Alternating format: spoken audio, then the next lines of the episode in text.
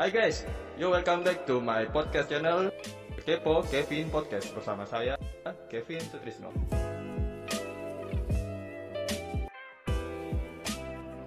Uh, thank you buat teman-teman yang sudah support channel ini, yang udah like, udah komen, udah subscribe. Uh, itu berharga banget buat channel ini. Ya mudah-mudahan saya tetap dapat memberikan manfaat yang banyak buat teman-teman yang mendengar channel Kepo Kevin Podcast. Oke, kali ini uh, kita udah di episode kedua dan saya akan ditemani bersama seorang praktisi dan juga seorang leader di bidang insurance. Kita sambut aja kalau begitu Mrs. Arianti El Prasa. Halo. Halo Vin. Ya, halo. Saya panggil ya. saya panggil Cici aja nggak apa-apa ya Ci ya? Iya, santai aja Vin. Iya, ini Gimana kabarnya Vin? Puji Tuhan baik Ci. Iya, bagaimana baik. ini Ci? Kabarnya Ci? Puji Tuhan baik juga di sini, uh, Happy, ya. happy di rumah aja atau udah kangen liburan nih, Ci? Ya, kalau jujur sih udah kangen liburan ya, Cik ya. udah pengen terbang-terbang ya, tapi gimana ya daripada aduh ngeri kan sekarang lagi nambah lagi ya. Iya. Jumlahnya. Ah, ah. Gak apa-apa sih kita nahan dulu. Iya. Uh, nanti tahun depan baru kita puas-puasin setahun nggak nggak balik-balik ya Ci ya. Kalau nggak balik-balik hilang itu namanya, Vin. iya iya iya. Oke Ci, mungkin boleh uh, bantu perkenalan diri secara singkat dulu mungkin Ci, karena kan mungkin dari beberapa pendengar kita ada yang mungkin belum uh, kenal begitu dalam tentang seorang Mrs. Arianti El Prasa ini siapa sih? Mungkin boleh dibantu, Ci. Saya bukan siapa-siapa sih, Vin. Saya orang-orang biasa aja. Oke, okay, boleh, Ci. Ya. ya. Jadi saya panggilnya teman-teman aja ya, Vin ya. Iya, iya. Ya, Oke, okay, teman-teman, selamat siang ya. Kenalkan, nama saya Arianti. Seperti yang Kevin bilang, saya ini memang salah satu praktisi ya dalam bidang uh, asuransi gitu ya. Kebetulan saya juga udah 9 tahun di bidang asuransi uh, dan saya saat ini posisi saya udah sebagai agency director. Ya. Uh, itu aja sih, Vin. Iya. Berarti udah leader udah lama juga ya, udah udah ngikutin seluk beluknya 9 ya, tahun itu udah udah pengalaman lah Ci ya. belum belum banyak dibanding teman saya yang lebih lama lagi Ci. Siap, baik Ci. Iya Ci, baik. Jadi uh, kebetulan nih terima kasih sudah nyiapin waktunya Cici untuk um, bisa bareng-bareng saya di sini untuk sharing sharing-sharing informasi tentang seputar keuangan khususnya tentang insuransi Iya, sama-sama. Saya juga thank you Kevin mau uh, ngundang saya podcast bareng kamu nih, Vin. Iya, Ci. uh, uh. Ya, jadi kalau di episode kita kali ini kebetulan kita mengambil temanya itu uh, memahami dasar asuransi. Mm -hmm. Ah, uh, Ci. Uh, jadi kan kebetulan saya uh, ngundang seorang praktisi, jadi kita apalagi udah 9 tahun kita kalau ngomong insurance kalau orang yang pengalaman harusnya ya udah udah tahu lah Uh, iya, udah tahu suka dukanya, udah tahu seluk. terlalu tinggi dulu nih, Vin. Saya masih banyak belajar juga sih dari yang lainnya. Nah, ini ini hebatnya seorang leader. Selalu rendah rendah hati. Memang begitu, Vin. Pokoknya apa yang bisa saya jelaskan, coba saya jelaskan dengan baik ya, Vin. Siap, baik, Ci. Ya. Oke, Ci. Baik. Uh, pertanyaan pertama saya mungkin Ci. Mm uh, kita kan bicara tentang asuransi Ci, tentang insurance. Uh, mungkin kalau dari uh, Cici sendiri, mm pemahaman Cici itu uh, asuransi itu sebenarnya itu apa sih? Kalau dari Cici, kalau boleh tahu. Asuransi ya, oke. Okay. Mm -hmm. Asuransi itu menurut saya itu nggak kelihatan sih kita beli barang hmm. yang nggak kelihatan, ya yes. kan? Makanya kenapa sebelum tahun 2007 saya pun juga anti namanya asuransi, karena hmm. saya berpikir bahwa saya beli sesuatu tapi kok nggak ada barangnya. Ya kan? Okay, Kalau ya. misalnya saya di panci, misalnya jelas ada barangnya, kegunaannya ya. pun jelas, saya bisa buat masak gitu ya. ya. Tapi kalau beli asuransi, saya cuma dapatnya buku doang. Itu pun saya nggak ngerti, bener nggak, Vin? Tebal ya. banget kan? Ya, nah, makanya sebelum tahun 2007 itu saya merasa kayaknya rugi banget nih saya masuk asuransi, ya. Hmm. Tapi sampai satu ketika uh, saya dipertemukan dengan uh, industri asuransi ini, saya coba mengosongkan gelas saya, Vin. Ya, saya buka jubah saya, saya mengosongkan gelas saya. Uh, dari awalnya saya nggak ngerti apa-apa sama asuransi, ternyata saya jadi baru paham. Oh, ini toh yang namanya asuransi, ya kan? Hmm. Meskipun kita nggak dapet apa-apa barangnya dan kita nggak tahu kan Vin kapan mau dipakainya benar nggak sih? Benar-benar sih. Ya kan. Dan juga kalau kita beli asuransi berharap kita jangan sampai pakai. Benar yes. ya? Uh, uh, kalau betul, kita pakai artinya kan kita sakit benar ya Vin ya. Benar-benar sih. Uh, uh. Nah dulu yang saya anggap itu sebagai suatu kerugian ya setelah saya memahami gitu ya kebetulan saya dijelaskan sama uh, orang yang mengerti asuransi dulu ya yang berkecimpung sebelum saya gitu ya. Mm -hmm. Oh, nggak usah jadi paham nih ya kegunaan asuransi. Sekarang saya merasa asur asuransi itu sangat-sangat penting sekali, Vin. Ya, hmm, apalagi okay. untuk zaman kayak sekarang nih, Vin, kayak lagi rame-rame yang orang bicarakan tentang pandemik ini, pandemik yes. COVID-19 ini ya. Mm -hmm. Kalau misalnya sampai nggak ada asuransi, wah celaka banget, Vin. Ya, ya, orang bisa langsung bangkrut dalam satu hari loh, Vin. Oh gitu, gitu. Ci ya? Iya, asuransi itu sangat penting buat saya untuk ngejaga uh, kalau ada apa-apa sama saya. Jadi kalau ibaratnya ya analoginya asuransi itu adalah kayak kita beli payung, Vin. Kayak kita mau beli payung, ya. Mm-hmm. Saya tanya sama Kevin, Kevin beli payung itu pada saat lagi turun hujan atau sebelum turun hujan Kevin siapin payung? Uh, sebelum turun hujan sebelum turun hujan. Ya, Kalau misalnya udah hujan, Kevin nggak punya payung, Kevin baru beli itu percuma, bener ya? Bener. Nah sama uh. asuransi pun juga sama kayak payung sih. Jadi kita siapin dulu payungnya, mau hujannya kapan kita nggak masalah. Yang penting pada saat turun hujan gitu ya, kita udah ada payungnya, Vin. Oke, berarti gitu. uh, asuransi itu menurut uh, eh, CR ini berarti uh, apa ya? Ibaratnya seperti kita memberi persiapan diri kita untuk ke arah yang lebih baik ya. Betul dan bahkan kalau menurut saya asuransi ini kalau dalam tiga kebutuhan uh, manusia ya tinggal ada tiga kebutuhan tuh ya uh, yang premier, mm-hmm. sekunder sama yang tertier itu ya. Iya. Asuransi yeah. itu menurut saya itu bukan bukan yang premier yang sekunder lagi atau tertier lagi tapi itu adalah yang premier, premier yang utama. Betul, iya, betul. yang wajib kita punya selain sandang pangan papan tentunya ya. Mm-mm, mm-mm, betul, Ci. Iya. Iya. Berarti kalau menurut Cici sendiri asuransi itu sangat penting berarti Cici ya? Banget sih. Penting iya. iya. Kalau dianalogikan Ci, tingkat iya. kepentingan dari asuransi sendiri itu sebenarnya bagi kehidupan kita kalau ini bicara uh, let's say kita bicara kalau um, kita nggak nggak punya asuransi sama sekali tapi misalnya kita udah udah punya duit duit nih punya punya banyak Ci orang kan biasa iya. di lapangan kan banyak yang kayak gitu Ci oh saya punya iya. banyak duit nih tapi saya nggak butuh asuransi kok duit saya bisa kok buat bayar ah, menurut Cici kira-kira seberapa pentingnya kah insurance itu bagi kehidupan kita Ci apa pun kondisinya oke okay, oke okay.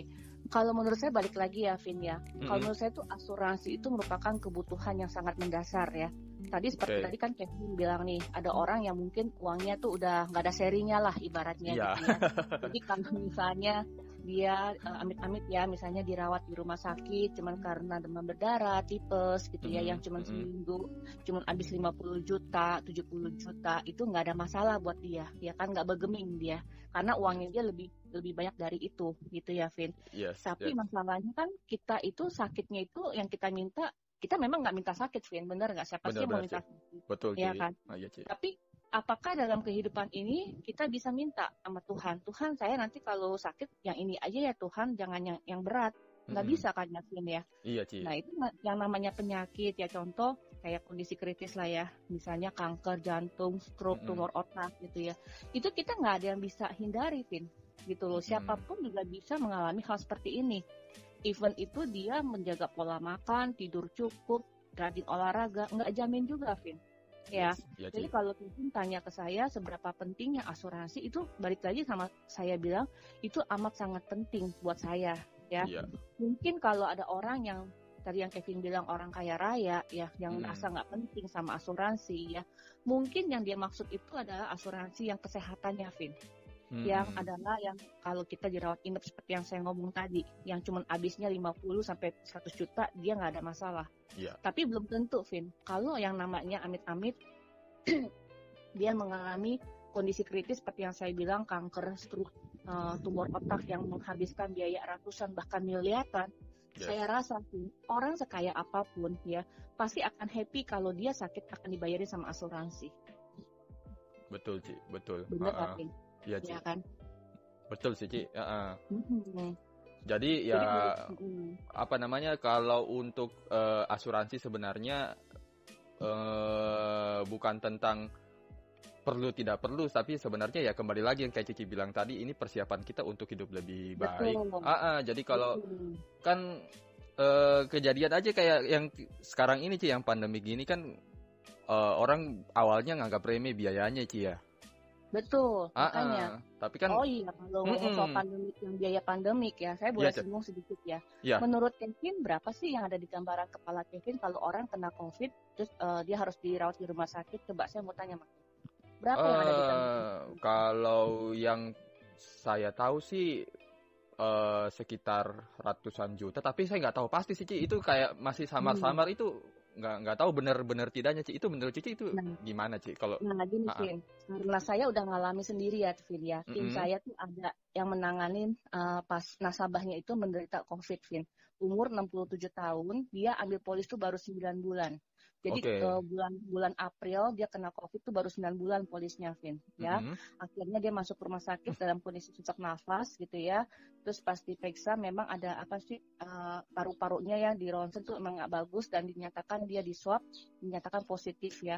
Oh. Akhirnya singkat cerita dia baru beberapa hari di kamar isolasi biasa, nggak uh, dia uh, kondisinya memburuk gitu ya. Akhirnya dia dilarikan ke ICU. Di ICU hmm. itu dia sekitar sebulan setengah, Vin. Wow. Ya, setengah sebulan setengah di ICU, kemudian kondisi membaik, pindah lagi ke kamar perawatan biasa. Total lamanya dia di rumah sakit sekitar 74 hari, Vin. Kevin bisa tebak nggak berapa, Vin? 74 Dia hari? Biaya. 74 hari, berarti artinya dua bulan lebih ya, Vin dua ya? bulan lebih? Dua wow. bulan setengah ya, Vin. Iya. Coba, ICU, Ci. ICU satu bulan setengah, Vin. Oh, Berarti kalau satu bulan setengah sekitar 40 hari, 45 hari ya. Ya, Kevin betul, tebak aja. Berapa, Vin? Eh, uh, saya tebak aja, Ci ya. Hmm. 300 juta? 400 juta? Iya, lebih, Vin. 818 oh, lebih, Ci. juta, Vin. Lebih, Ci. 818 juta semuanya. 818 juta. Iya. Wow. Kalau Kevin di IG saya ya di beberapa waktu yeah. yang lalu mungkin uh. saya ada pasang di IG story ya. Mm-hmm. Itu 818 juta. Oh. Dan dan bersyukurnya ini di cover semua sama perusahaan asuransi saya, Vin. Di cover padahal dia kan masuk tadi usia baru 6 9 bulan, baru 9 bulan polis, Vin. Karena baru 9 COVID bulan. Itu, uh-huh. Ya, karena COVID itu kita tidak ada masa tunggunya, Vin. Luar biasanya asuransi saya itu ya, mm-hmm. uh, waktu itu COVID itu tidak ada masa tunggu. Oh mantap Ci. Ci boleh boleh sebut nggak mereknya Ci supaya kita tahu juga nih ini mereknya asal siapa nih Ci? Gak apa-apa ya, gak apa-apa ya. Gak apa-apa Ci ya, kan. Uh, Prudential, Asuransi oh, Prudential. Prudential. Asuransi Prudential, iya. Always listening, always understanding Ci. Yes, iya. Yeah. 818 juta ya Ci ya? Iya, iya, Waduh. iya. Kevin kalau mau nanti saya ada bukti klaimnya. Jadi saya nggak bohong-bohong, nggak kaleng-kaleng ngomong gitu ya. Iya. Itu memang saya ada buktinya, Vin. Gitu. Oh. Malah ada foto orangnya. Dan hmm. sekarang kondisi orangnya tuh masih ini masih pakai suster ya, masih pakai apa tuh uh, inku, apa kayak inkubator sih yang buat pernapasan bantuan pernapasan apa uh, namanya? ventilator ya kalau nggak salah ventilator ya? ventilator ah. oh masih masih pakai itu Ci masih masih oh, di rumah soalnya oksigen soalnya Kamu udah oksigen. udah umur 67 tahun juga ya iya, ya tadi Cici bilang iya, iya. iya sih tapi Dan dia iya terkenanya ke, eh, ke jantungnya Vin oh alah uh -uh. Jadi menyebar tapi puji Tuhannya uh, beliau saat ini kondisi masih, uh, masih survive. survive. Tapi kondisinya hmm. baik ya. Kalau dibilang baik saya nggak tahu pasti Vin ya, tapi hmm. dibilang uh, kalau menurut saya kalau orang masih pakai alat bantu pernafasan, mesti ada suster yang kontrol, ya Kevin mikir sendiri deh, apakah itu udah baik? Kalau menurut saya sih belum. Oh iya, tapi puji ya, Tuhannya, itu. puji Tuhannya kalau seandainya tidak di cover, bisa jadi keadaan lebih buruk dong, Ci. Oh, saya bilang sama dia, uh, kalau ini dia nggak punya asuransi, saya bilang kemungkinan ya nggak sampai 74 hari. Sorry to say, Vin, mungkin yes. dia udah berpulang. Iya. Saya bilang begitu. Karena, iya. Karena kan kalau secara psikologi juga Betul. kondisi kalau kita udah sakit nih, udah udah parah, terus mikirin lagi biaya, hmm. itu sakitnya double, Ci ya. Prosesnya lebih cepat. Iya si nasabahnya pun mikir dong, aduh nih gue sakit biayanya berapa banyak nih, bener gak sih? Iya, bener Ci. Iya, Heeh, kayak gitu. Hmm. Tapi kalau ada asuransi dia tenang. Keluarganya bilang tenang pi. Tapi ada asuransi, semua di cover asuransi. Oh jadi ibaratnya dia cuma fokus sama kesembuhan diri dia sendiri aja. Hmm, gitu. Iya iya hmm. iya. Iya sih bagus juga. Itulah gunanya uh, insurance ya Cie kalau orang iya, uh, makanya uh, saya bilang penting banget Vin. Betul, Karena betul. kalau misalnya dia nggak punya asuransi seperti yang Kevin ngomong orang kaya, apa dia ya bisa sih Vin mungkin belum satu m mungkin dia masih bisa bayar tapi nyesek nggak sih Vin mesti bayar satu m ke, ke uang keluar gitu loh iya kalau It... saya sih jujur nyesek banget sih Vin uh -uh. seperti yang sering saya bilang Ci sama uh, teman-teman di di podcast ini terus uh, biasa uh, teman-teman di YouTube channel saya Ci saya bilang juga biasa mm. oke okay, let's say uh, kemampuan ada uh, tapi uh, kita misalnya kayak yang tadi Ci, case-nya ya umur 67 tahun. Terus uh, kita udah kerja nih, kerja keras nih sampai umur 67 tahun. Uh, hmm. udah gain, udah dapat um, berapa M itu hmm. di tangan kita terus dalam jangka waktu 74 hari kita ngeluarin 800 hmm. juta. Hmm. Itu rela iya. nggak sih? Uh, rela nggak sih, Swin? Iya. Iya, uh, uh. iya. iya. Kerja 67 uh, tahun dua dua bulan habis dan nggak kebayang mungkin nggak kebayang dia itu covid dapat covidnya di dia loh Vin benar nggak mm -mm, betul sih iya nggak iya. ada yang tahu misalnya ya jadi untuk teman-teman uh, sudah dengar sendiri kan gunanya insurance itu uh, salah satu contohnya seperti ini. Apakah anda sudah mm -hmm. mempersiapkan ini sudah mm -hmm. memikirkan resiko ini? Kembali ke anda. Iya. Uh, uh, jadi oke okay, Ci. Uh, berikutnya yang hmm. saya mau tanyakan Ci ini. Uh, menurut Cici, bagaimana itu kira-kira langkah yang tepat untuk kita uh, sebelum menentukan membeli asuransi itu seperti apa? Jadi kalau untuk orang-orang yang mungkin uh, masih belum punya asuransi sebelumnya atau mungkin pas dengar dari podcast ini, dengar dari CR, ih ini kayaknya penting juga saya mau beli asuransi, hmm. tapi saya bingung nih Ci, mau beli asuransi itu gimana Ci? Oh, okay. Langkah-langkahnya iya. yang tepat. Hmm karena asuransi itu banyak tipe, banyak macamnya ya, Vin ya. Iya, Oke. Okay. Ah, ah. Oke, okay. buat teman-teman ya yang mungkin ya, mungkin belum tahu nih asuransi apa sih yang mesti saya punya supaya saya tuh jangan sampai salah beli asuransi, bener nggak? Ya. Jadi kalau saya boleh kasih satu tips ya, uh, ini dari pengalaman uh, ilmu yang saya dapat uh, selama saya belajar ya Vin ya. Iya. Tapi kalau misalnya kurang uh, teman-teman mungkin ada yang nggak sependapat ya udah lupakan aja, anggap saya nggak pernah ngomong gitu ya. Iya. Tapi kalau misalnya memang ini berguna, teman-teman mau pakai silakan. Jadi Kevin pernah dengar yang namanya segitiga proteksi nggak, Vin? Segitiga proteksi itu apa ya, Cia? Iya. Nah, kalau Kevin tahu bentuk segitiga, Mm -hmm, tahu dong, Ci. Uh, kalau, kalau segitiga itu yang gedenya itu di atas apa di bawah, Vin? Gede di bawah dong, Ci gede di bawah. Kalau kalau gedenya di atas artinya terbalik, segitiga terbalik namanya Vin. Benar iya nggak iya, ya? Benar benar. Iya. Nah, maksud saya gini, Vin. Jadi dalam segitiga proteksi itu kita tuh bagi dalam tiga tahapan, Vin. Tahapan hmm. yang paling bawah itu, yang saya bilang paling gede itu, itu adalah kalau saya bilang itu adalah yang paling utama yang harus kita punya, ya. Kalau dalam asuransi itu artinya asuransi kesehatan, Vin. Yang menurut saya itu harus kita punya, kudu wajib kita punya, ya. Hmm. Kenapa? Karena apalagi ini yang uh, yang saya bicara asuransi kesehatan tuh ini ya Vin yang maksudnya untuk yang dirawat inap di rumah sakit yang membutuhkan perawatan inap di rumah sakit. Okay. Tapi kalau yang untuk kayak batuk pilek, kayak misalnya demam ya cuman ke dokter doang gitu ya minum uh. obat paracetamol sembuh itu saya nggak masuk dalam asuransi kesehatan. ya. Orang Indo orang Indo kan Ci orang Indo kan Ci kalau kalau sakit dikit nggak nggak langsung ke dokter juga kan Ci ya? Ya minum dulu kan kayak paracetamol atau Betul, segala macam kan mm -hmm. ya. Yang saya maksudkan asuransi kesehatan ini adalah asur kalau kita sakit itu bisa keluarin uangnya tuh sampai lebih dari 5 juta itu dia asuransi kesehatan. Okay. Ya kalau kayak misalnya batuk pilek itu kan cuma ratusan ribu masih oke okay, ya kan. Yes, yes. Nah asuransi kesehatan kalau saya bicara tentang produk saya produk Prudential itu kita menyediakan yang namanya sekarang ya kartu mm -hmm. PPH Plus kartu hitam ya Vin ya. Oke. Okay. Ini adalah kenapa? Ini adalah uh, kartu yang mengcover selama kita dirawat di rumah sakit dan dibayarnya sesuai tagih. Sesuai tagihan, Ci? Sesuai tagihan. Itu benar benar-benar sesuai tagihan atau gimana, Ci? Hmm. Nah, benar Vin. Nah, Nah, saya ada contoh yang tadi kita pakai contoh yang Bapak tadi ya, Vin ya, yang umur okay. 67. Okay, Soalnya okay. ini benar-benar uh, fresh from the oven klaimnya ya, baru dia April keluar dari rumah sakit itu sekitar bulan Juli awal ya kan, oh, jadi masih baru, baru ya, bulan baru, ya. Iya. Jadi kalau di PPH Plus ini kita cuma dikasih pilihan kamu mau yang satu kamar dua ranjang atau satu kamar satu ranjang itu aja dulu Vin Hmm, ya. Okay. Jadi kalau misalnya contoh, uh, saya tanya sama Kevin, Kevin amit-amit ya, Kevin. Kalau Kevin, yes. tapi ini misalnya gitu, kalau Kevin hmm. harus sampai dirawat di rumah sakit, nyamannya mau yang dua yang satu kamar dua ranjang atau satu kamar satu ranjang?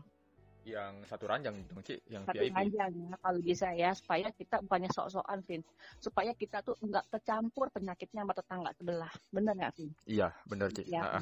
Nah, jadi di kartu PPH saya tuh, PPH plus saya itu cuma dua macam itu aja buat orang milihnya gampang.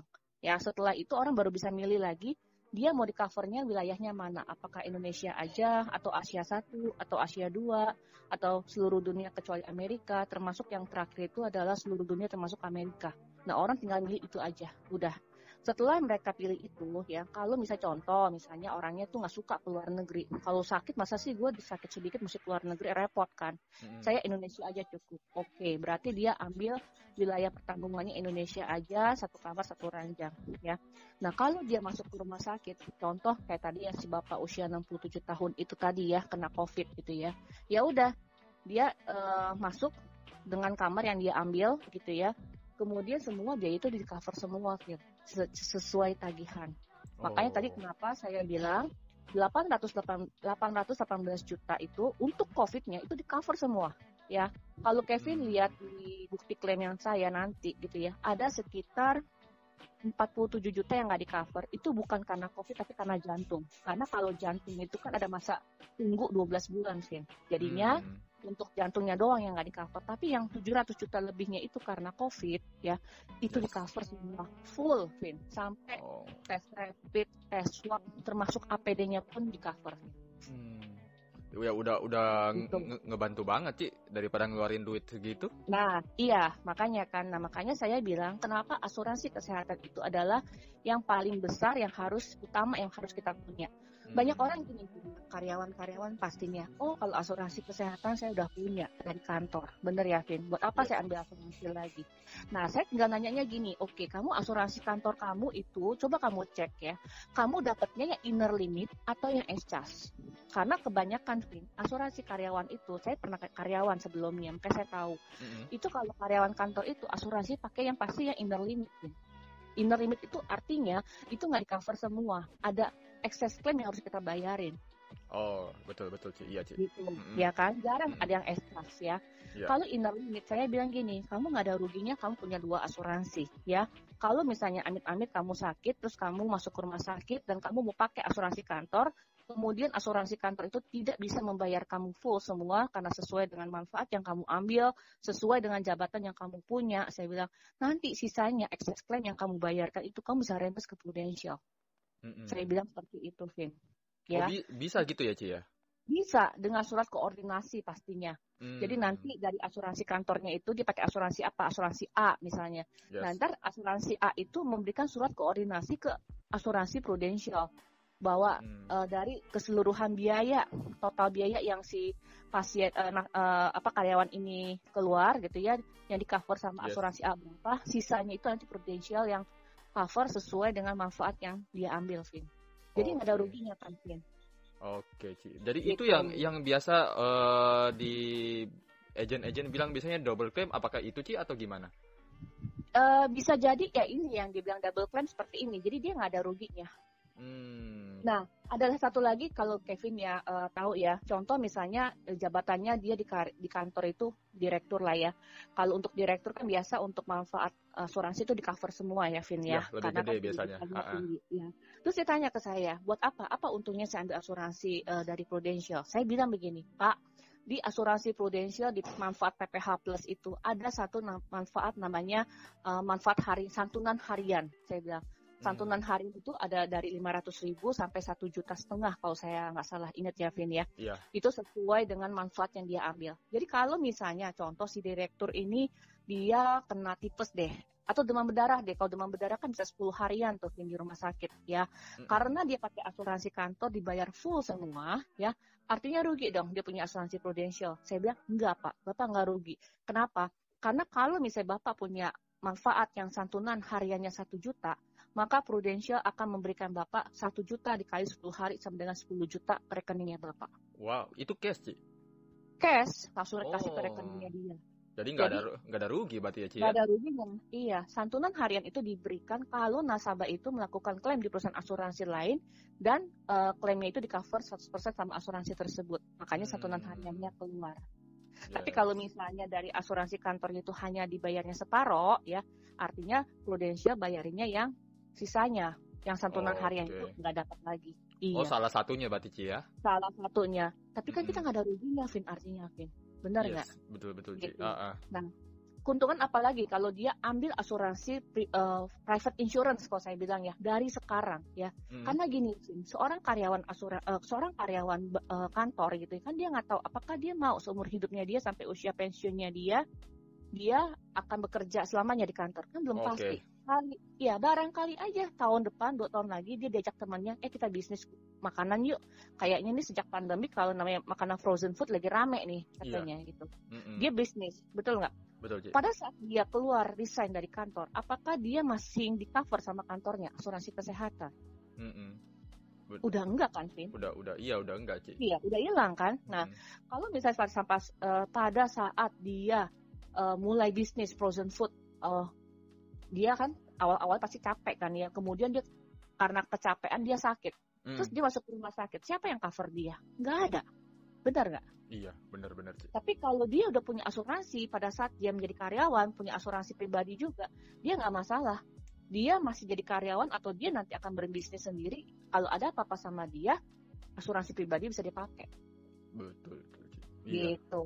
Jadi menurut saya dari segi tiga proteksi yang paling mendasar yang harus orang punya itu adalah asuransi kesehatan di mana adalah uh, par, uh, yang biaya yang pada saat kita dirawat di rumah sakit itu yang akan kita keluarin itu yang semua harus punya teman-teman harus punya itu sih kalau menurut saya Oke, Ci, siap. Ya. Uh -uh. Itu baru, baru baru tahap satu udah panjang lebar nih, Vin. Saya belum jelasin tahap kedua sama tahap ketiga. Masih ada waktu nggak, Vin? Mau, masih, masih, Ci. Silakan, nah, Ci. Uh -uh. Oke, okay. itu baru tahap ke satu. Kalau yeah. misalnya teman-teman bilang, oke, okay, kayak Kevin bilang, saya udah punya ci asuransi, udah apa, udah S-Charge juga ya kan, wilayah pertanggungannya misalnya udah seluruh Asia misalnya, oh udah oke, okay, hmm. udah bagus ya Vin ya berarti. Artinya kita naik ya Vin ke tahap kedua.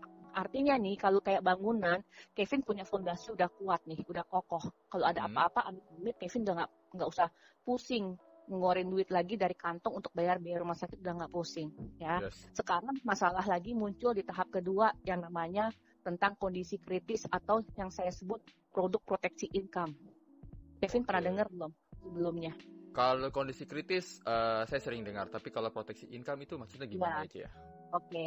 proteksi income itu sangat berhubungan erat dengan kondisi kritis, Vin. Jadi misalnya kayak gini deh, uh, contoh ya, kalau yang tadi Bapak tadi umur 67 deh ya, karena awalnya saya ngomongin ini gitu ya. Yeah. Contoh, kebetulan dia ini owner perusahaan, tapi anggaplah dia karyawan deh, misalnya ya kan, dia karyawan. Dia udah terkena COVID-19 ya, sampai sekarang aja nih dia masih dalam perawatan di rumah, seperti yang saya bilang mesti pakai alat bantu pernapasan jujur ya Vin karena kelamaan berbaring di ranjang hmm. dia itu udah nggak bisa jalan normal belum bisa jalan Vin. Masih dalam tahap belajar jalan. Mungkin oh. karena kakinya udah mengecil gitu ya otot-ototnya udah kaku kayak gitu ya Vin. Yes. nah misalnya nih si bapak ini kan waktu dia sakit covid dirawat di rumah sakit kan dibayarin sama Prudential. Dia nggak ada masalah. Benar ya Vin ya? Iya Ci. Uh nah tapi sekarang ya sejak dia sakit dari bulan April sampai sekarang ya menurut Kevin biaya kebutuhan sehari-harinya dia ini apakah masih berjalan atau berhenti pada saat dia sakit, Vin? Masih jalan dong, Ci. Masih jalan ya, Vin ya. Iya. Yang namanya contoh uh, kebutuhan air, listrik, ya kan, bayar cicilan, uh, misalnya uh -huh. kalau dia ada cicilan rumah, bayar cicilan rumah, cicilan mobil, kartu kredit, anak iya. kuliah, segala macam masih Perusaha ada. Perusahaannya juga butuh biaya. butuh biaya, ya kan. Hmm, Anggap yeah. dia ini dia karyawan Devin, anggap ini ini dia seorang karyawan gitu ya. Yeah. Nah, bukannya berarti dia kena kondisi kritis terus biaya hidupnya bilang oh bapak ternyata karena bapak sakit kritis ya udah kebutuhannya uh, berkurang atau nggak ada nggak ada biaya kebutuhan. Nggak mungkin kehidupan ya. tidak se enak itu sih iya, kalau bisa enak itu sih enak ya Vin nggak ada orang yang susah. Benar iya gak, benar benar nah, nah sekarang masalahnya ini si bapaknya ini dia udah berbulan-bulan nggak kerja Vin. Betul. Nah, saya tanya, saya tanya sama Kevin. Kevin dulu juga pernah kerja di perusahaan kan. Iya. Ya. Uh-uh. Kalau orang terkena kondisi kritis seperti Bapak tadi, Vin, kira-kira berapa lama sih uh, kantor kamu akan membayar Bapak ini uh, gaji secara 100%? Uh, nggak panjang sih. Kalau peraturan dari Depnaker sendiri, setahu saya itu kurang kurang lebih 12 bulan kalau nggak salah Ci ya. Oke, okay. anggap uh, 12 bulan. Yeah. Se, uh, padahal yang saya tahu gini, Vin, 6 bulan pertama 100%, Kemudian uh, tahap keduanya dari 6 bulan sampai ke 9 bulan itu kalau nggak salah 75 persen, oh, terus 9 okay. sampai 12 50 persen, dan selanjutnya itu kalau dia udah setahun dia belum bisa aktivitas, sorry to say dia nggak dapat gaji. Artinya dia udah dirumahkan selamanya. Kayak oh, gitu, Vin. Udah di PHK gitu ya, Ci ya? Udah di PHK, artinya siapa juga sih, Vin, perusahaannya mau membayar gaji buta seorang karyawan yang nggak bisa memberikan uh, sumbangsinya ke perusahaan. Betul nggak? Kita logika betul. aja ngomong mm. bener ya. Nah kalau misalnya si bapak ini dari bulan April sampai Agustus ini aja dia udah empat bulan dia nggak bisa ngapa-ngapain ya. Kalau dia sebagai karyawan artinya oke okay, dia masih terima 100% tapi kebayang nggak kalau sampai si bapak ini lebih dari 12 bulan tuh dia belum bisa ngapa-ngapain? Orang sekarang aja belum bisa jalan ya kan? Dia mesti yeah. belajar jalan mesti pelan-pelan cabut uh, alat bantu pernapasan. Itu nggak gampang Vin. Nggak bisa dalam hitungan mingguan bulan-bulanan gitu loh harus dia harus belajar latihan dulu ya nah saya anggap deh Vin ya contoh yang itu yang covid kalau ya orang yang kena kanker deh itu lebih parah lagi mm-hmm. kalau orang terdiagnosa kanker ada teman saya juga uh, perempuan ya kanker payudara gitu ya yes. dia pengobatan aja enam bulan Vin dari sejak dinyatakan kanker langsung dia kemo, operasi, kemudian radiasi itu enam bulan. Sampai hari ini dia masih di rumah. Apalagi COVID, dia nggak berani keluar karena dia rentan sekali, bener nggak? Imunnya dia kan masih lagi lagi uh, lagi turun-turunnya. Iya, dia nggak iya. berani ya. Bener, nah, saya berpikir kalau sampai ada orang seperti ini yang biasanya dia tulang punggung keluarga, dia memberikan biaya, uh, membayar biaya kebutuhannya dari income-nya dia tapi kalau sampai perusahaan udah nggak bayarin dia lagi gaji, dia income-nya bayar dari mana, Fit? Hmm, ya, Cik. Pasti ujung-ujungnya dia cairin deposito juga, dia ambil lagi iya. tabungannya dia. Padahal depositonya dia, tabungannya dia itu dia ada tujuan lain. Contohnya misalnya anaknya buat kuliah ke luar negeri. Mm-mm. Terpaksa anaknya nggak jadi kuliah. Bener nggak, Fit? Iya, jadi si anak dreamnya itu yang awalnya dia mau capai, akhirnya terganggu ya, Ci ya? Iya, mm-hmm. iya. Nah, si anaknya pun juga uh, sedih dong tapi daripada uh, kenapa kenapa sama orang tuanya ya dia yeah. rela. Nah orang tua yang sakit apakah rela nggak anaknya masa depannya hancur? Nggak rela. Dia bilang apa? Orang tua pasti bilang gini udah nggak apa-apa kamu tetap sekolah nggak usah pikirin papa. Ibaratnya kalau papa mati pun nggak masalah. Intinya kasarnya kayak gitu Vin. Hmm. tapi apakah anak tega? Ya kan? uh, jadi ini kayak telur sama uh, telur sama bebek ya mana duluan nih nggak ada nggak ada kita nggak ada habisnya ngomongnya anak hmm. kasih ke bapak bapak kasih ke anak anak nggak mau bapak juga nggak mau. Jadi iya, bingung kan? Nah tapi kalau misalnya dia si bapak ini punya ambil proteksi income seperti yang saya bilang ya kalau sampai dia terkena kondisi kritis dan dokter bisa menyatakan dengan memberikan bukti dari hasil uh, medis ya bahwa memang betul si bapak ini terkena kondisi kritis kayak teman saya itu kena kanker dikasih lihat hasil patologinya bahwa dia memang ada kanker udah metastase segala macam itu uh, Prudential akan memberikan yang namanya proteksi income sesuai hmm. dengan yang kita ambil.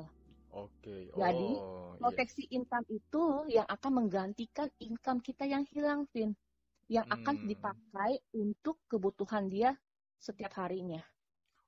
Oh, sorry Ci. Berarti uh, proteksi income itu diterima si nasabah atau si kliennya itu pada saat pada dia saat... kena kondisi kritis. pada saat minta maaf ini dia belum uh, tutup usia berarti Ci? belum belum tutup oh, usia. Oke. Okay. Jadi Siap. kayak contoh misalnya nasabah uh, uh, teman saya ya uh, kena kanker itu, dia hmm. kondisi apa proteksi income-nya udah keluar semua sih. Oke, jadi makanya itu nah. di, dinamain proteksi income sih ya. Betul, untuk untuk apa menggantikan income dia yang hilang. Padahal hmm. orangnya masih hidup, benar nggak? Ya, ya, ya, benar-benar. Sekarang ah. pertanyaan, iya, pertanyaannya saya sekarang, berapa besar proteksi income yang seseorang harus punya, benar nggak? Iya, proteksi itu gimana income ya? itu jangan sampai kegedean juga, jangan sampai kekecilan juga. Ibaratnya ah. tadi analogi saya, Kevin beli payung ya, payung itu nggak boleh kegede, uh, payung itu nggak boleh kekecilan juga, Kevin. Kalau kegedean masih mending ya. Kalau ya. kekecilan artinya badan Kevin juga ada bagian badan Kevin yang basah kena air, hmm. benar. Betul, Sama. Betul, betul proteksi income pun jangan kecilan tapi jangan kebesaran juga. Jadi ada perhitungannya gini, Vin. Menurut hmm. penelitian ya, orang yang terkena kondisi kritis yang misalnya kanker, ya stroke gitu ya, itu biasanya lima tahun bisa sembuh total. Kalau dia mau sembuh total sembuh ya, hmm. tapi kalau mohon maaf kalau dia lima tahun itu nggak bisa nggak bisa survive ya mungkin dia akan dipanggil. Itu lima oh. tahun sih. Yes. Ya, uh -uh. artinya seseorang harus punya proteksi income itu untuk lima tahun ya. Jadi kalau misalnya si bapak yang umur 67 atau teman saya lah gitu ya. Hmm. Bener-bener Vin, uh, itu ini kedua orang ini yang saya lihat tuh mereka tuh sampai hari ini tidak melakukan aktivitas apa pun yang kena kanker dokter bilang jangan menyarankan tidak menjauhi urusan-urusan yang bikin dia stres segala macam oh. ya kalau yang umur 67 ini boro-boro Vin orang ibaratnya ngomong aja masih susah orang masih pakai iya. masih pakai alat bantu nafas bener, gitu bener. jalan aja nggak bisa ini sama sekali tidak bisa melakukan aktivitas apa pun dia tidak boleh hmm. dokter bilang yang capek-capek segala macam itu nggak boleh teman saya yang kena kanker ini ya artinya dia kalau dia punya lima kali lima kali uh, lima tahun apa lima tahun cadangan untuk biaya uh, kebutuhannya dia dia aman Nah, hmm. jadinya gampangnya gini. Kevin punya kebutuhan berapa per bulan? Anggap misalnya 10 juta, ya. Artinya kalau 12 bulan itu adalah 120 juta, dikaliin 5 tahun aja, Vin. Berarti mesti berapa? 600 juta yang punya. 600, yang, iya, 600. Uh. Ya, yang harus Kevin punya, 600 juta. Jadi kalau ada apa-apa sama si uh, orang ini, dia tinggal 600 juta itu dia tinggal bagi aja per bulannya diambil 10 juta. Gitu, Vin. Oh ya. Jadi okay. ibaratnya ada uh, dia sehat atau dia sakit eh, nggak uh, ada masalah buat keluarganya itu. Hmm, bener-bener Ci. Ya, hmm. ini sih bi biasanya yang uh, orang tidak semua tahu kalau Betul. orang berbicara insurance pasti berpikir tentang uh, kesehatan aja Ci, asuransi kesehatan yang tadi Cici bilang ya. Iya. Ah, ah, tapi ternyata uh, insurance itu ada juga yang namanya proteksi income. Betul. Uh, uh, jadi ya sebenarnya balik lagi sih dari eh, orang-orang uh, di luar sana itu uh, mau beli insurance itu tujuannya sebenarnya kan ini tidak lain dan tidak bukan itu sebenarnya untuk future-nya yang lebih baik, betul. lebih terencana ya Ci ya. Iya, betul, Vin. Mm -mm. Thank you, Jadi, thank you banget Cik, infonya dia, ya. Di tahap dia dia sakit dirawat di rumah sakit dia nggak usah bayar, nggak usah keluar dari kantong dia sendiri. Terus selama dia dalam penyembuhan merasa proses pemulihan entah berapa tahun ya, mm -hmm. dia nggak ada masalah sama biaya kebutuhannya dia. Jadi artinya uang yang selama ini dia dapetin dari kerja kerasnya dia dari sejak dia muda itu nggak akan hilang. Dan tujuan awalnya dia untuk ngumpulin uang itu untuk apa? Itu juga nggak akan hilang, Oke. Okay gitu ya, siap, ya Vin ya. Siap. Ya, Oke. Itu yang kedua. Yang sekarang yang ketiga yang terakhir Vin. Mm-hmm. Ya, yang ketiga mm-hmm. yang terakhir itu yang paling atas ya. Nah, yang kalau paling atas ini kita bilang namanya uang pertanggungan jiwa. Yang istilahnya ini adalah untuk yang diwariskan ke keluarganya kalau dia sampai meninggal Vin. Oh, ya. oke, okay. yes. Uh-huh. Karena orang meninggal sekarang juga mahal, Vin. Bukan murah Bener. loh, Vin. Bener sih ya. iya sih bener itu. Untuk orang yang meninggal itu sangat mahal, Vin, gitu iya. Apalagi ada satu di kalau di Jakarta ya, Vin, ada satu rumah duka tuh keren banget kayak mall, Vin, di daerah Jakarta Utara gitu ya. Kalau Kevin uh-huh. tahu, saya nggak sebut namanya. Itu kalau saya tahu sih, Ci. itu kalau masuk ke sana nggak ada serem-seremnya, Vin, bener nggak? kalau kan kalau orang rumah duka kayaknya serem gitu ya. Kalau ini nggak ada serem-seremnya, bagus banget, Vin. Itu mahal banget. Ya ada uh-huh. uang, ada ada harga ada barang bener nggak Vin? Iya Ci. Nah sebalik nah itu satu terus yang kedua ya kalau orang meninggal yang meninggalnya enak ya udah udah nggak tahu apa-apa tapi yang ditinggalinnya itu loh pusing ya hmm, pusing kan belum lagi utang yang ditinggalinya ya, benar nggak belum benar. lagi kalau misalnya anaknya masih kecil-kecil benar ya kan hmm. banyak kejadian kayak contoh ya maaf ya maksudnya uh, saya menyebutkan salah satu uh, apa uh, selebritis kita yang baru tahun ini ya kayak mohon maaf kayak Ashraf Sinclair ya kan kayak oh, yes. uh, yang tiba-tiba meninggal padahal dia mereka politiknya sehat sekali loh dan hmm. dia meninggalkan anak yang masih kecil-kecil. Nah, kalau ini sampai terjadi di orang yang biasa seperti saya, sementara istrinya itu hanya ibu rumah tangga biasa yang taunya hanya membesarkan anak, yang membimbing anak sekolah segala macam nggak tahu apa-apa, gimana coba Vin? Anaknya masih kecil-kecil, benar nggak? Yes. Ya, ya, jadi menurut saya ini adalah yang tahap ketiga yang harus kita punya. Tentunya tahap ke satu, tahap keduanya udah punya. Nah, jangan sampai ini terbalik. Orang kadang-kadang tahap ke satunya aja masih bolong-bolong, dia udah ambil langsung tahap ketiga. Gitu. Jadi kalau misalnya dia terkena kondisi kritis, dia belum meninggal, dia juga masalah juga keuangannya karena yang diambil itu salah, salah uh, stepnya salah. Nah, kalau saya bilang sekali lagi teman-teman, kalau mau ambil tahap yang paling atas yang uang pertanggungan jiwa, pastikan untuk yang uh, fondasi dasarnya dan bagian yang keduanya itu sudah teman-teman punya. Baru nanti kita bicara ke tahap ketiga. Karena tahap ketiga ini adalah urusan untuk mewariskan ke orang yang kita cintai, gitu, yes. Uh -uh. Nah, sekarang pertanyaannya sama sama yang tahap kedua tentang yang proteksi income. Berapa banyak uang yang harus ditinggalkan ke untuk keluarganya? Hmm, Betul nggak okay. Siap. ya. Kalau terlalu kecil pun juga nanti cuma berapa bulan akan habis. Buat mungkin buat bayar utangnya dia aja nggak akan cukup gitu loh. Nggak usah ngomong untuk bayar biaya kebutuhannya si anak atau istri gitu. Untuk untuk dia ninggalin utang utangnya aja nggak cukup gitu. Nah kita mesti tahu lagi nih berapa banyak sih UP ideal yang harus kita punya ya perhitungannya mirip kayak tadi, Vin. Tapi kalau ini adalah uh, biaya hidupnya orang hmm. tertentu ya dikaliin angka konstan 250. 250 itu angka konstan, angka pasti, Vin. Ya, biaya, coba misalnya biaya hidupnya. Biaya hidup ya per bulan dikaliin 250. Contoh misalnya biaya ya. hidupnya 10 juta misalnya. Oke. Okay. Ya, dikaliin dua setengah, 250 itu dapatnya berapa, Vin? 2,5 M. Dua setengah M ya. Ya, nah dengan dua setengah M kalau misalnya contoh uh, si nasabah saya ini ada yang meninggal, terus kemudian diambil uang tanggungan jiwa dua setengah M. Dua setengah M ini akan diserahkan ke istrinya, ya atau hmm. anak-anaknya. Nah, anggap deh ke istrinya, istrinya ini seperti yang saya ngomong, seorang ibu rumah tangga yang nggak tahu apa-apa, yang nggak pernah dagang, nggak pernah bisnis, nggak pernah kerja. Sekarang anak masih kecil-kecil, ya gimana dia mau kerja? Masa ninggalin anak di rumah sendirian nggak mungkin. Akhirnya dia memutuskan bahwa dua setengah M yang diterima dari asuransi dia depositoin pin gitu loh hmm. ya dia deposito kan anggap deh ya tawar menawar sama bank dapat deposito 6% yes. anggap 6% ya hmm. maka dia akan setahunnya dapat sejumlah uang sebesar 150 juta per tahun bunganya ya hmm. belum yeah. belum dipotong pajak potong pajak 20% artinya dia dapat bersihnya itu setahun 120 juta Artinya 120 juta itu kalau dia bagi 12 bulan, dia dapat 10 juta. Nah, angka 10 juta ini adalah angka untuk biaya kebutuhan sehari-hari yang harus dia keluarkan. Iya, jadi nutup ya, Ci ya. Nutup.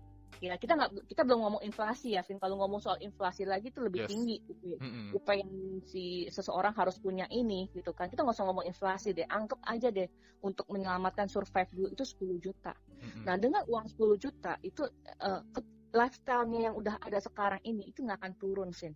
Mm-hmm ya sambil nanti mungkin isinya cari cara gimana pelan-pelan mulai bisnis online lah atau apalah bisa kan seperti ya. itu.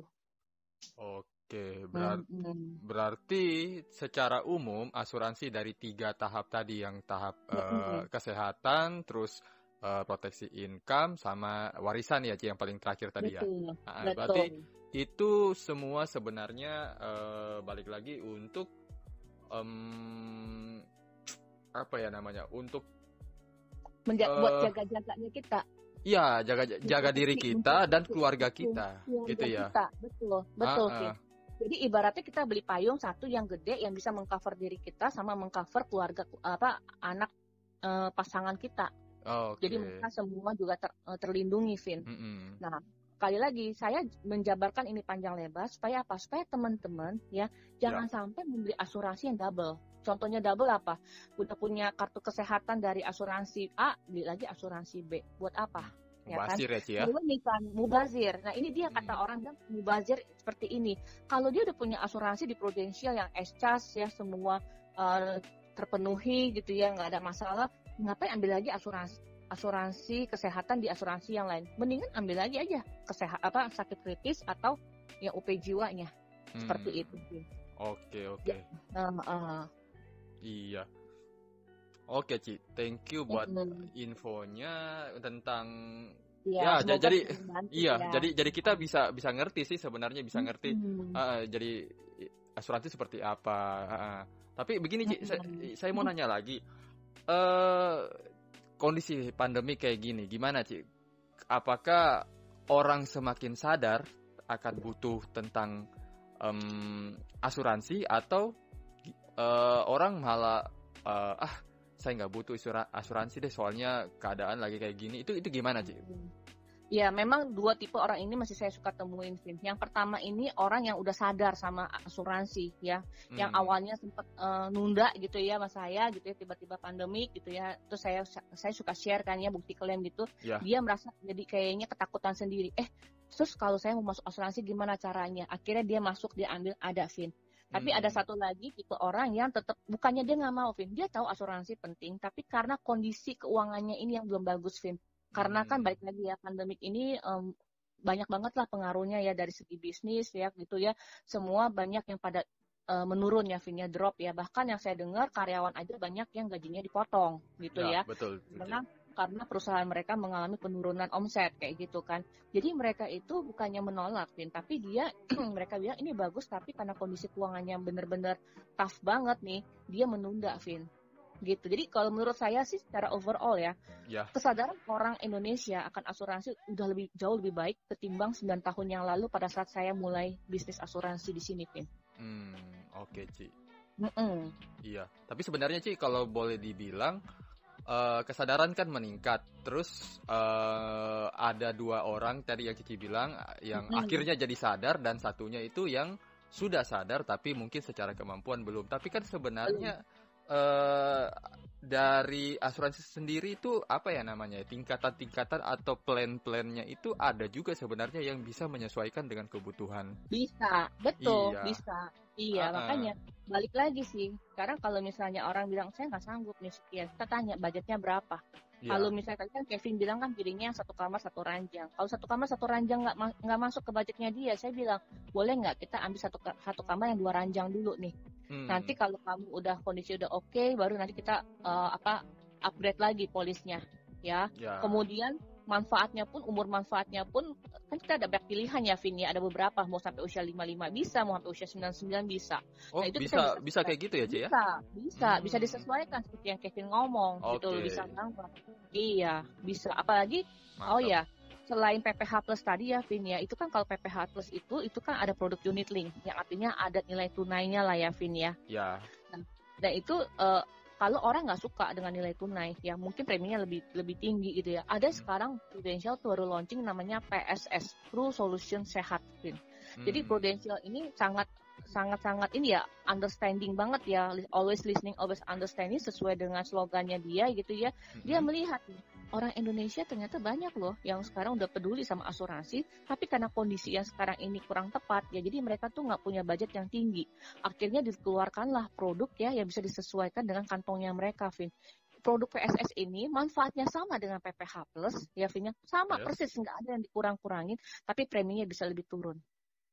Nah, oh. bedanya Nah, kalau teman-teman yang mendengarkan podcast ini mau tahu di mana bedanya PPH Plus dengan PSS, mungkin bisa hubungin kita nanti ya, Vin ya. Bisa melalui hmm. Kevin atau bisa uh, minta kontaknya ke saya bisa. Boleh, boleh. Iya, Ci. Uh -uh.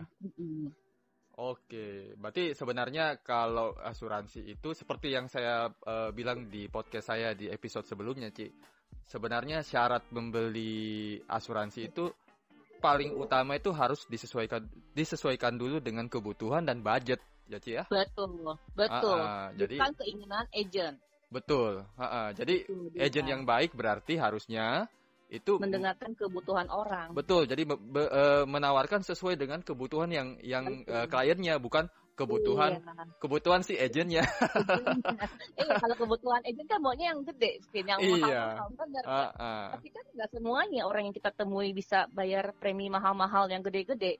Iya, uh, uh. jadi carilah agent yang sesuai dengan kebutuhan Anda, bukan sesuai iya. kebutuhan agentnya.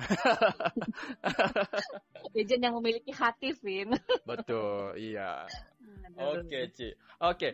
kalau begitu um, di lapangan sendiri, Ci, uh, masih sering nggak ngalamin yang namanya penolakan yang ya boleh dibilang mungkin sedikit ekstrim, ek, eh, sedikit uh, agak skeptis-skeptis gitulah Ci di di masyarakat itu Cici masih sering kan Cici ini udah udah 9 tahun ya, udah 9 tahun, udah banyak kenal. Yeah, udah, yeah. pasti udah banyak dapat referensi dari klien-klien juga ya kan? Yeah. Iya. Nah, uh, uh. Tapi masih dapat nggak uh, penolakan skeptis yang kayak skeptis-skeptis itu jadi kayak gini Ci. Misalnya uh, baru dikontekin dikit aja, iya, padahal kan padahal kita cuma mau ngajak, mau, mau ngajak ngobrol gitu ya misalnya Cici mau ngajak ngobrol aja itu langsung skeptis langsung ya, uh, nutupin. nutupin telepon atau ngejauhin atau gimana gitu atau iya itu ya. gimana sih masih sering dapat gak sih kalau sekarang sih mungkin karena mindset saya udah berubah ya, Vin. Kalau dulu awal hmm. jadi agent, saya anggap itu adalah penolakan buat saya, ya. Tapi ternyata setelah saya pelajari bahwa itu tuh di di asuran uh, di bisnis asuransi itu tidak ada namanya penolakan, tapi adanya oh. penundaan, Vin. Oh, gitu. Okay, mantap. Nah, kenapa gitu ya? Karena orang-orang yang dulu saya anggapnya menolak saya, tapi ternyata bukannya nolak. Dia itu menunda karena dia mau ngelihat nih, ini si Arianti ini jadi uh, di Prudential ini berapa bulan ya? Atau atau berapa lama nih? Ternyata setelah saya lima tahun, enam tahun ketemu mereka lagi, mereka tanya saya kerja di mana? Saya bilang saya masih di Prudential. Ya mereka cukup amazed ya. Oh, lu masih di Prudential? Iyalah, masing saya bilang gitu. Oh yeah. gitu, gue kira lu nggak nggak lama, maksudnya cuma buat iseng-iseng doang. Banyak soalnya fin agent-agent seperti itu di luaran sana ya. Yes. Maksudnya dia pada saat dia lagi nggak ada kerjaan, udahlah jadi agent aja sambilan lah kayak gitu, ya, hmm. ya Vin ya. Hmm. Jadi orang tuh menunda tuh melihat sayanya kayak gimana gitu loh Vin. Jadi setelah saya di tahun keempat gitu ya itu udah ternyata orang-orang yang di tahun pertama ya yang saya temuin yang menolak saya awalnya saya merasa saya ditolak ternyata mereka ambil asuransi sama saya gitu ya hmm Terus kalau ngomong sekarang ini, sekarang benar kata Kevin, saya kebanyakan dapatnya referensi, Vin, ya dari ya. orang yang saya bantu klaim, happy gitu ya, dia referensi ke keluarga, ke saudara. Kalau yang referensi kebanyakan hampir nggak pernah ditolak, uh, hampir nggak pernah ditolak atau atau ini karena uh, dia minta uh, dia minta dikenalin sama agent asuransi, artinya dia udah udah merasa perlu nih asuransi. Uh, dan udah dan ngelihat dan udah ngelihat iya, sendiri uh, pelayanannya uh, seperti apa ya, Cia? Itu. Dan direferensiin sama nasabah saya, oh lu kalau mau asuransi sama agent gua nih, dia melayaninya bagus segala macam seperti ini, ya kan? Okay, betul, dia datang, saya datang, saya jelaskan produknya yang paling paling ya itu aja kita diskusinya tentang uh, preminya aja Vin kalau dia bilang oh ini nggak sesuai budget oke kita turunin saya, saya tanya dulu uh, kebutuhannya apa sebenarnya kita sama-sama cari win-win solution namanya Vin uh, hmm. Kevin iya yeah. oh begitu mm -mm. iya jadi iya, sebenarnya iya. penolakan nggak ada Vin yang ada mm. adalah penundaan sih iya uh -uh. Mm -mm.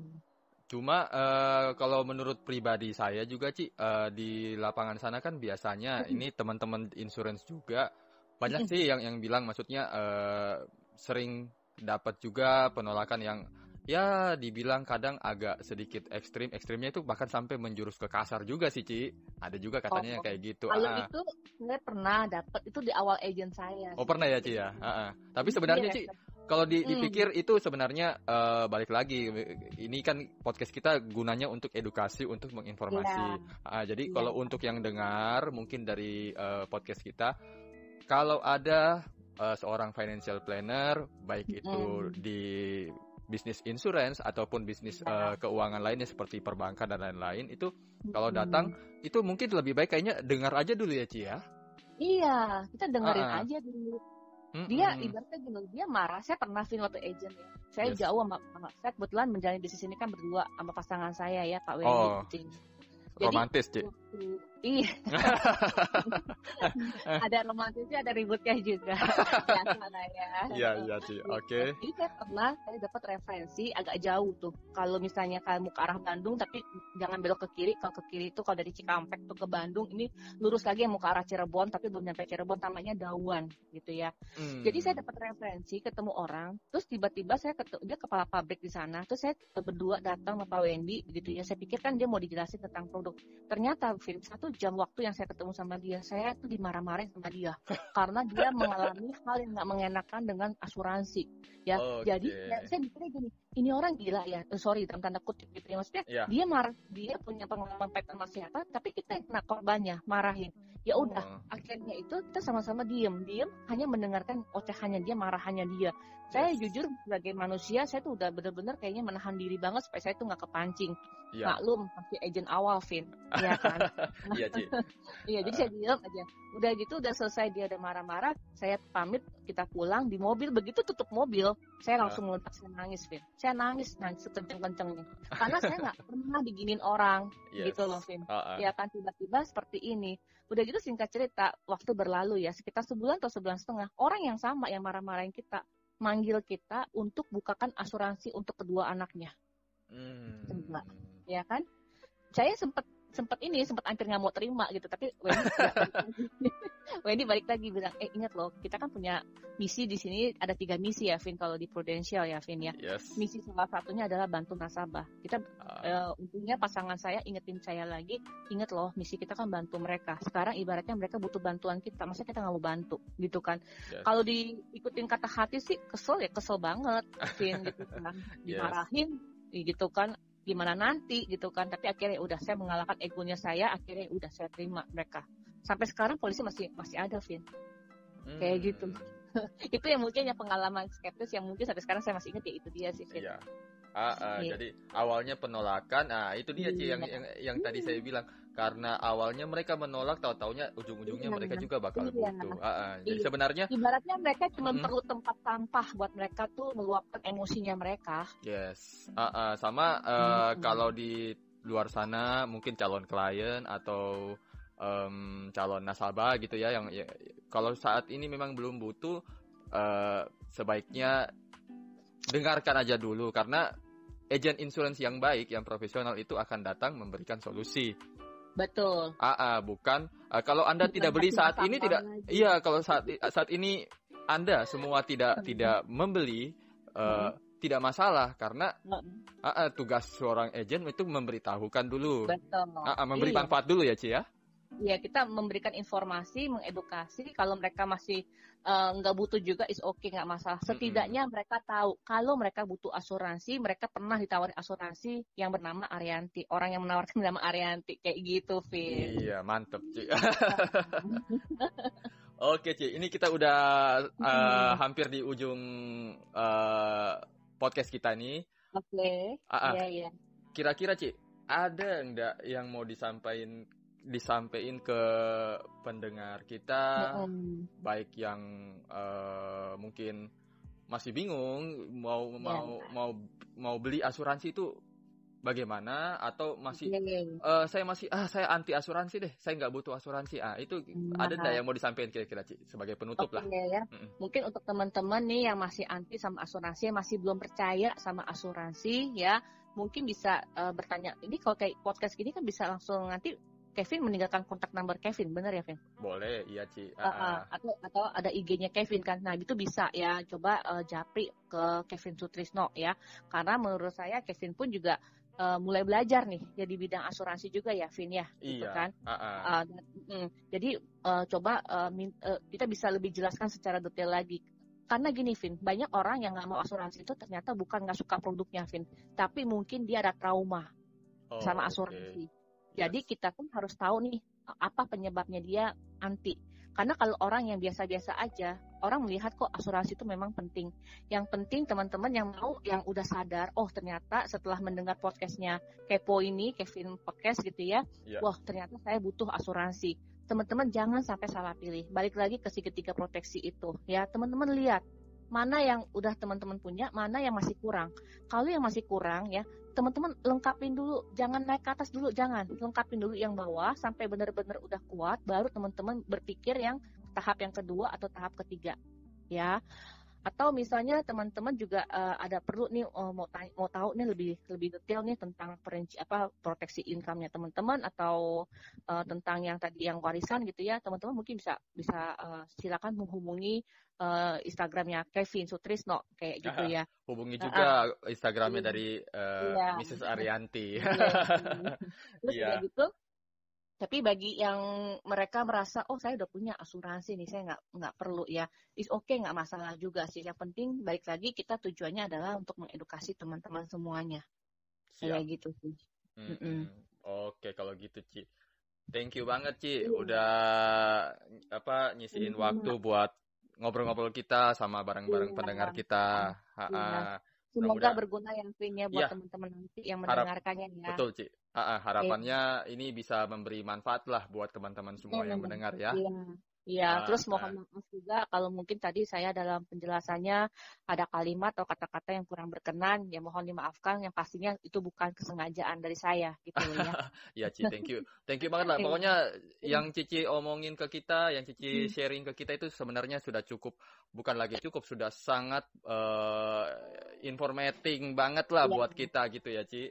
Iya, iya, iya. Uh, uh, Oke, okay, kalau begitu. Oke, okay, thank you Kevin. Ya. Sukses selalu ya buat Kevin siap, ya. Siap, iya, thank you. Semoga followersnya semakin tambah banyak ya. Amin. Tujuan utamanya kita di sini bukan follower, Ci, tapi oh, tujuan oh, kita followers, ya. tujuan lebih kita edukasi. lebih edukasi. Jadi kalau orang dapat manfaat uh, itu jadi kebahagiaan juga buat kita agent-agent yang profesional Ci ya. Betul. Oke. Okay. Uh, uh, Oke okay, kalau begitu. Oke, okay. Ya, thank you buat teman-teman semua yang Sama-sama, udah teman-teman mm -mm. terima kasih untuk yang udah mendengarkan ya, mendengarkan iya. kita ngobrol-ngobrol ya. Siap, ya. Oke. Okay. okay. Ya, thank you. Thank you teman-teman yang udah mendengarkan. Uh, terima kasih buat Ci Arianti.